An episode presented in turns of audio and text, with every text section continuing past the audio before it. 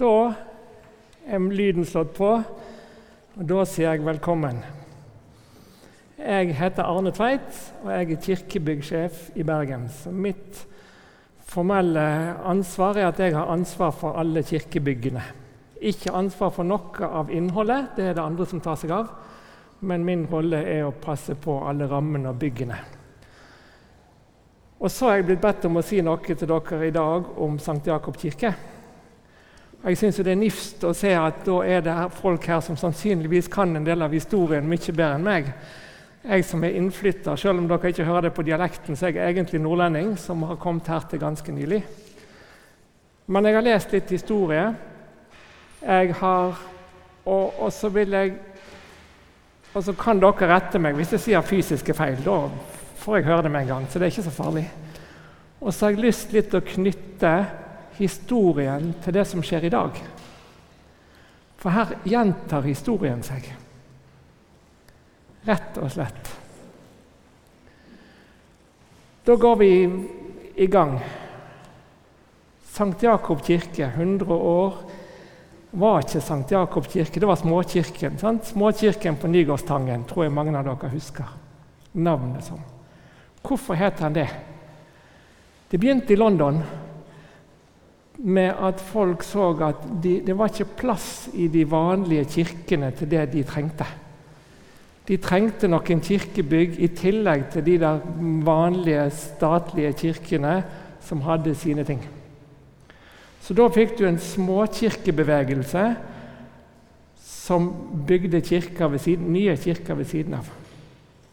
Det gikk fra London til København, til Oslo og så var det en som da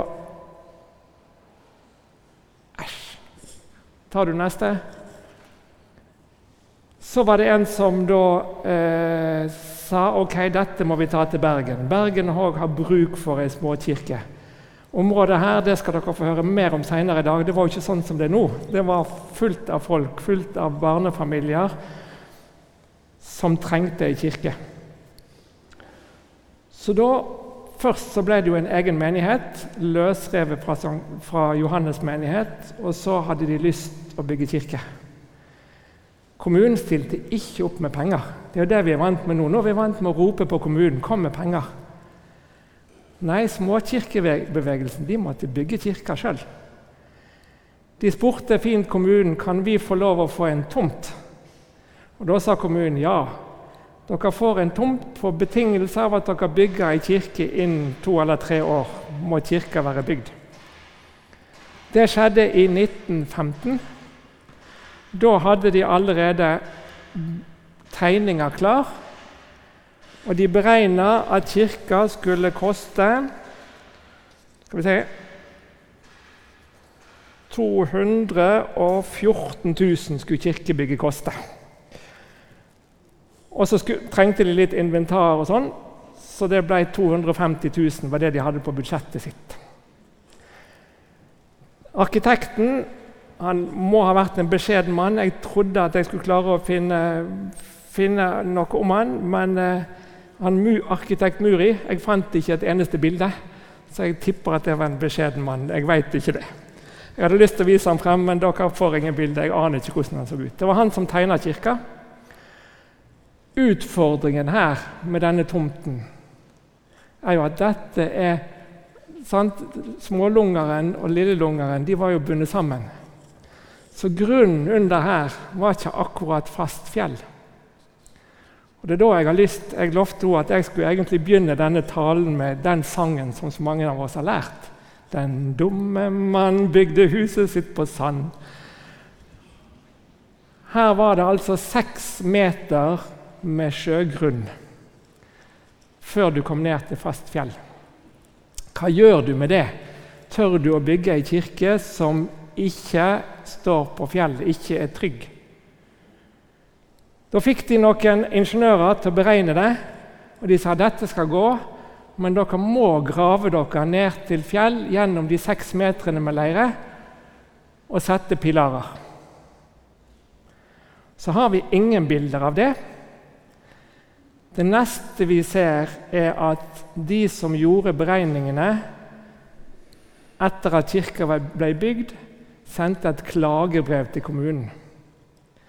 De sendte et klagebrev og sa at det var altfor dårlig byggeledelse underveis. Det var ingen som kontrollerte at dette ble gjort skikkelig.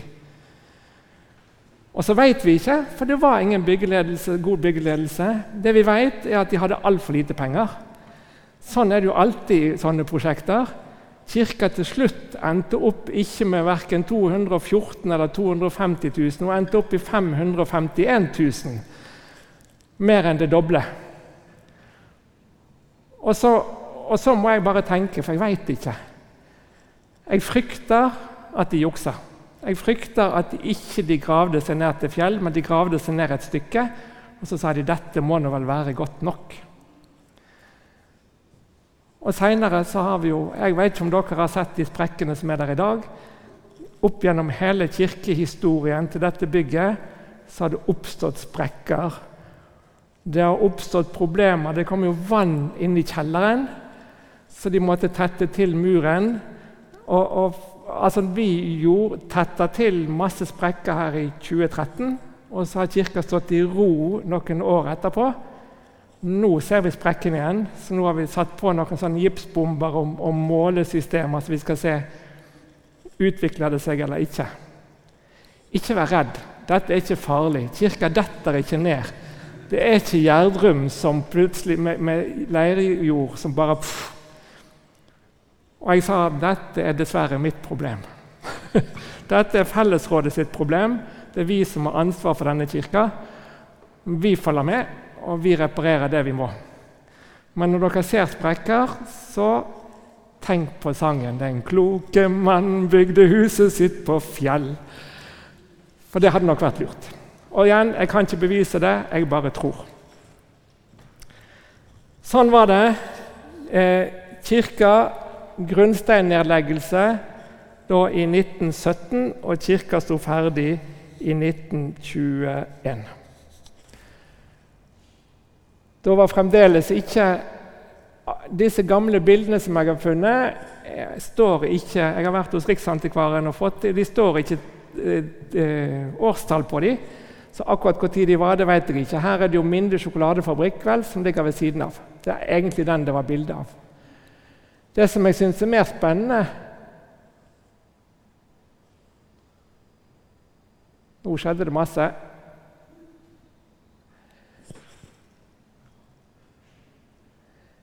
Det er jo å se hvor full kirka var.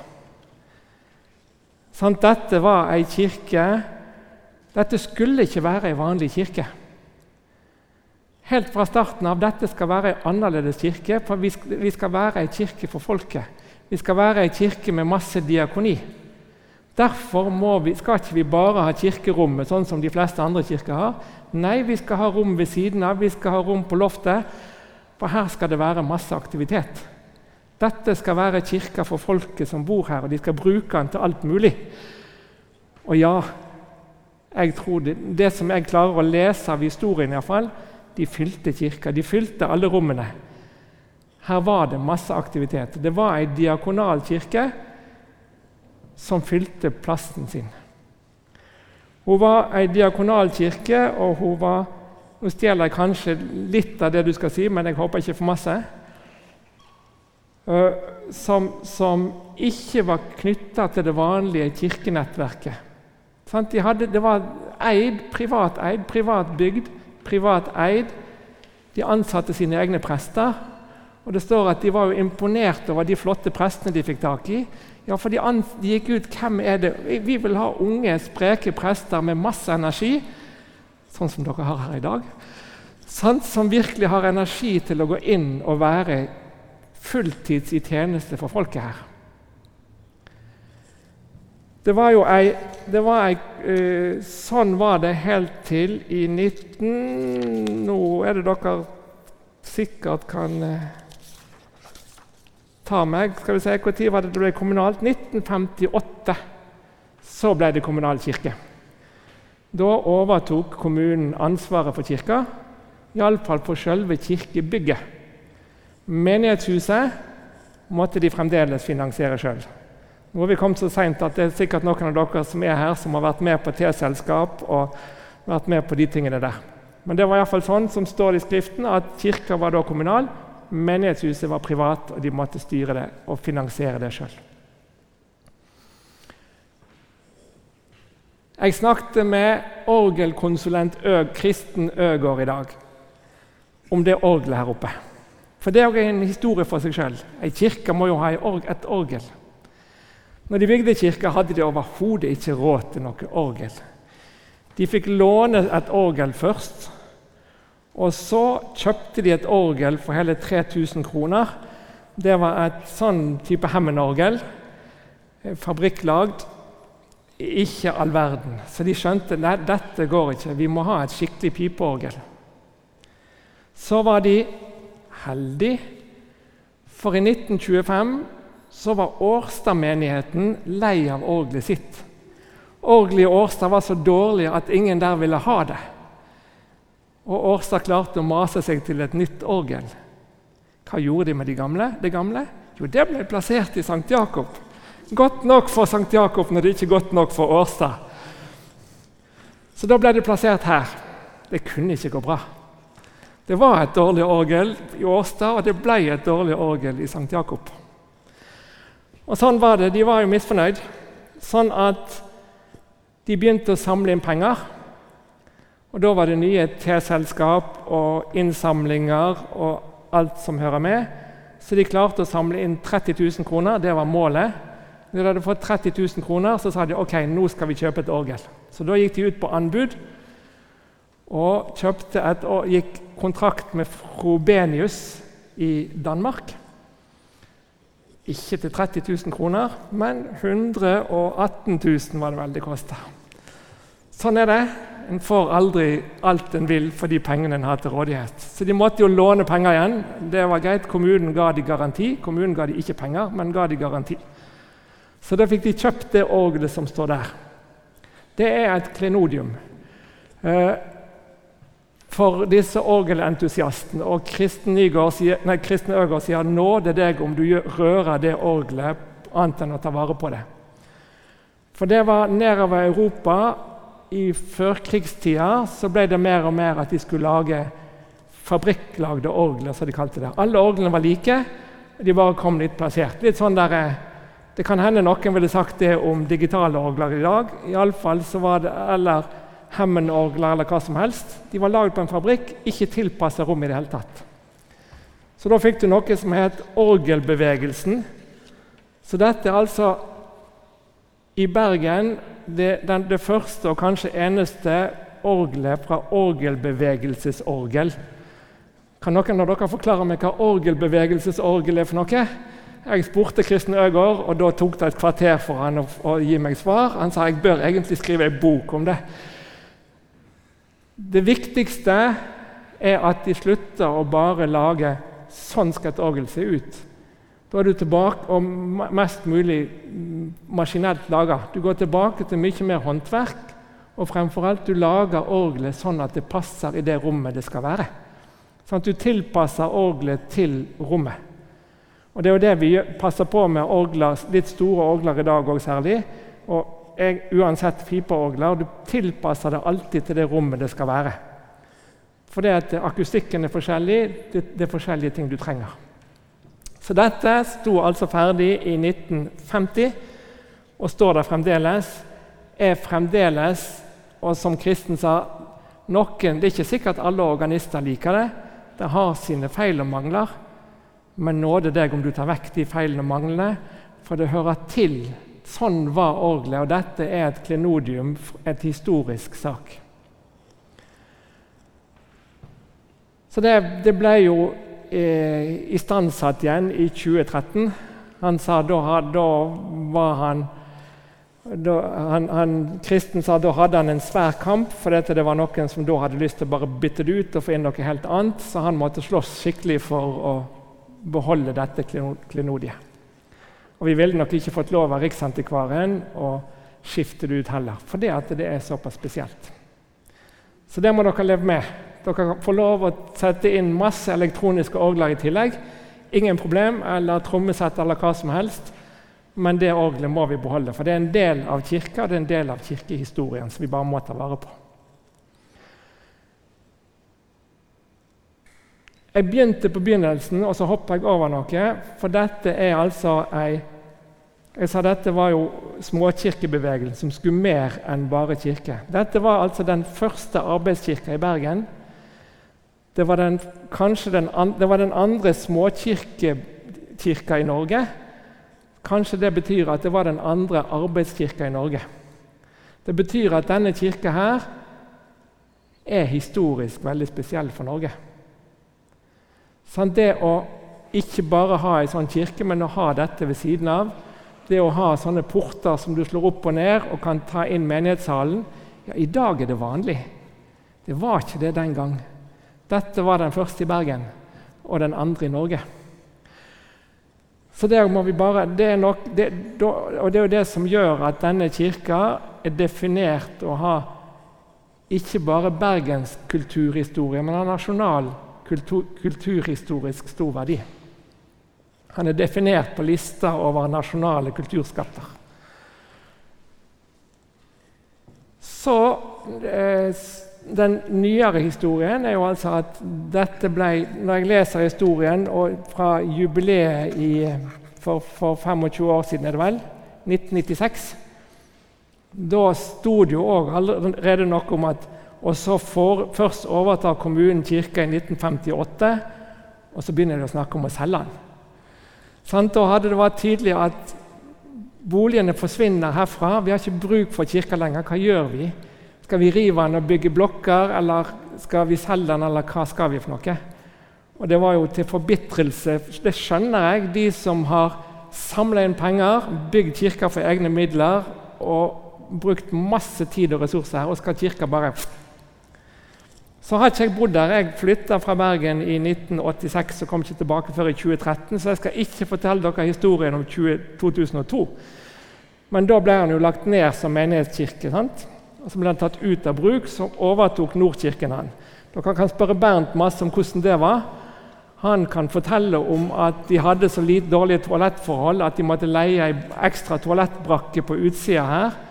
Han kan fortelle om hvor de sleit i kjøkkenet nede, for de hadde lyst til å gjøre masse, og så var det ikke gode forhold her. Og De ble ikke bedre, for det jo, ble ikke gjort noe med denne kirka her i årene som kom. Og alle lurte på hva skal vi gjøre med den kirka. Og Så tok Domkirken menighet tak i det. og sammen, Akkurat den historien må dere spørre noen av menigheten om. Men sånn som jeg opplever det som kom etterpå, så ble det gjort en avtale mellom fellesrådet og menigheten og menigheten, akkurat som småkirkebevegelsen stilte opp og bygde kirka, så har Bergen domkirkemenighet stilt opp og bygd henne opp igjen. Sånn, de har da brukt De første de brukte 500 000. Bergen domkirkemenighet har brukt minst 10, sannsynligvis 13-14 millioner kroner på å bygge kirka opp igjen. Da ikke for å være og da er det igjen på nytt igjen for å være noe nytt. Sånn, kirka skulle være annerledes når hun ble bygd, og kirka skal være annerledes nå. Nå skal det være en spydspiss i å være ungdomskirke her. Jeg var i lag med Jeg innrømmer at når de begynte å snakke om ungdomskirke, så tenkte jeg ja, ja, de kan prøve. Jeg, ikke, jeg, har ikke noe med det å gjøre. Mitt ansvar er kun at bygget står der og ordner. Egen, vi hadde lovt politikerne i Bergen at ikke vi skulle bruke at denne var tatt ut av bruk, så jeg fikk ikke lov å bruke kommunale penger på den, annet enn akkurat å holde den, det som jeg må gjøre for å holde den ved like.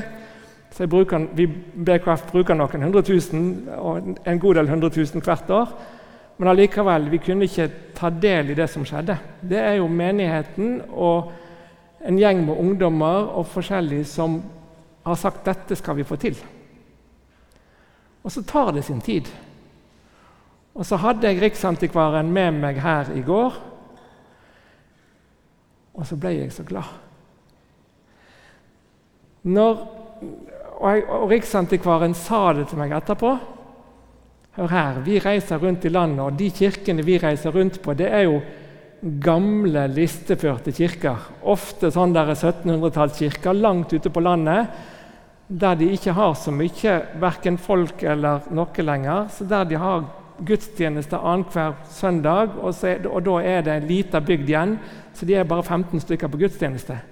Og Så kommer jeg her, og så sier de at her var det 100 stykker på gudstjeneste, sånn, og her er det liv og, og, og røre hele uka. Kirka er så full at de vet ikke hva de skal gjøre med det. Hun ble imponert. Veldig imponert. Og jeg ble glad og stolt. Så jeg innrømmer i går kveld hadde vi møte med hele Bergen kirkelige fellesråd. Da har jeg tre minutter jeg skal fortelle hva holder jeg på med nå. Og Jeg kasta hele manuset mitt, og så fortalte jeg om Sankt Jakob. For det at, eh, hva, Hvorfor er det Ja, noen syns at jobben min er ganske død, for jeg har jo bare ansvar for de der trauste byggene, steinene. Eh, det er ikke min jobb å fortelle om Jesus. Det er ikke min jobb å være diakonal. Det er ikke min jobb å sørge for at ungdommer trives, finner noen å være i lag med, har et sosialt nettverk. Det er andre sin jobb. Men når jeg ser at hvis jeg kan litt, legge til rette litt, så er det andre som fyller byggene. Det er jo derfor vi har dem. Vi har byggene fordi at her skal folk møte Gud, her skal folk møte hverandre, her skal folk ha det godt, bli tatt vare på. Og Når jeg ser at denne kirka er sånn, da blir jeg fryktelig glad.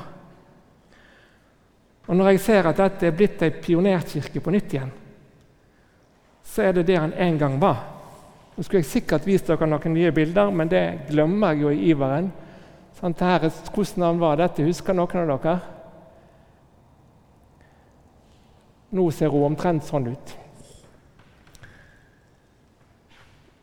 Um, ut. Ja, det har vært en pionerkirke, det er en pionerkirke, og så må vi få det til sammen.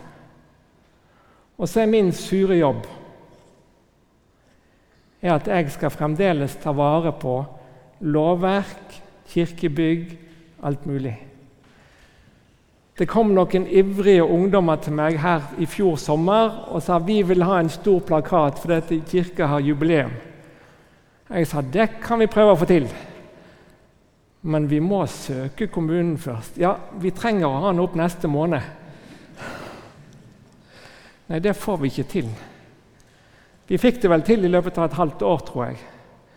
Men det skal søkes, det skal ordnes. Det er fryktelig masse papirarbeid. Og Så kan vi like det eller ikke like det. Min jobb er at loven skal følges. Eller det er en av mine oppgaver. Når, jeg, når vi skal gjøre endringer på bygg, så er det kanskje 17 instanser vi skal innom før det er godkjent og kan utføres. Og Det trenger ikke dere tenke på, det er vårt ansvar. Men dere skal bare ha respekt for at det tar tid, og det er ikke alt vi får til. For det at ungdommene nå skal gjøre nye ting. For det at det var så gøy når de fortalte i går om at her er det jo kirkekaffe, men så er det ikke plass til alle som skal på kirkekaffe, så de går, for de ser det ikke, det er ikke plass til meg. Sånn kan vi ikke ha det i kirka hvis vi har mulighet for å gjøre noe med det. Jeg må prøve å legge til rette for alle de tingene dere har. Men for Riksantikvaren er det en ekstremt stor eh, bøyg å skulle ta ut kirkebenker av en kirke, f.eks. Ikke farlig å ta ut én og to, det får vi lov til sånn. Men å ta ut alle. Og Hun som var her, er ikke den som bestemmer heller. Hun må ta det med seg, og så må det bestemmes litt opp i systemet. Skal gjøre hva jeg kan for at dere skal få det til. Og så kan jeg ikke love det. Og så tar det litt tid. Så dere må være litt tålmodige med oss. De andre tingene òg. Så lenge for, for, hva er det som gjør at dette er nasjonalskatt? Jo, det er historien om småkirkebevegelsen. Det er historien om at dette var den første arbeidskirka. Det er historien om hvordan det ble bygd, om benker og vegger og alt.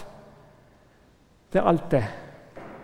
Og så er det sånn at benk, nei, vegger og de ytre veggene de trenger vi ikke røre. de vil vi aldri få lov til å røre. Hvis dere ber om å bygge på denne kirka, vil vi aldri få lov. Men det har dere ikke spurt om heller. De tingene vi skal gjøre, må alltid være sånn at vi kan Hvis neste generasjon om 50 år har lyst til å ta det tilbake igjen sånn som det var, så må det være mulig. Når jeg leser historien om domkirka i Bergen, for eksempel, så er det sånn på 1700-tallet gjorde noe, og på 1800-tallet vil de ha tilbake igjen til sånn som det var på 1200-tallet. Når vi holder på med Korskirka nå, så er det hvordan var det på 1100-tallet når de bygde denne kirka. Og så prøver vi å gjøre en del ting sånn. Sånn er historien. Og Derfor så må vi ta vare på de der ytre rammene. Så Kirkebenkene må vi finne et lagerplass til, og henger vi opp ting på veggene, så må vi kunne ta det ned igjen uten at det vises veldig godt. Sånne ting må vi bare finne på i lag. Og så skal vi prøve alt vi kan å få det til. Og så er det òg noe som ungdommelig iver av og til glemmer, og da blir jeg sint. Det er sånne ting som går på brannvern og rømningsveier og sånne ting. Sånt, Hvis dere jukser med det, så stenger jeg kirka. For jeg, jeg har ansvaret hvis noen brenner inne. Sånn, så det, det, er noen sånne absolutter, og innenfor de absoluttene så skal jeg prøve å gjøre det jeg kan for at dere kan få gjøre det som dere kan så utrolig godt, har dere bevist. Nemlig å fylle denne kirka sånn som hun en gang var fylt, til randen igjen. Lykke til!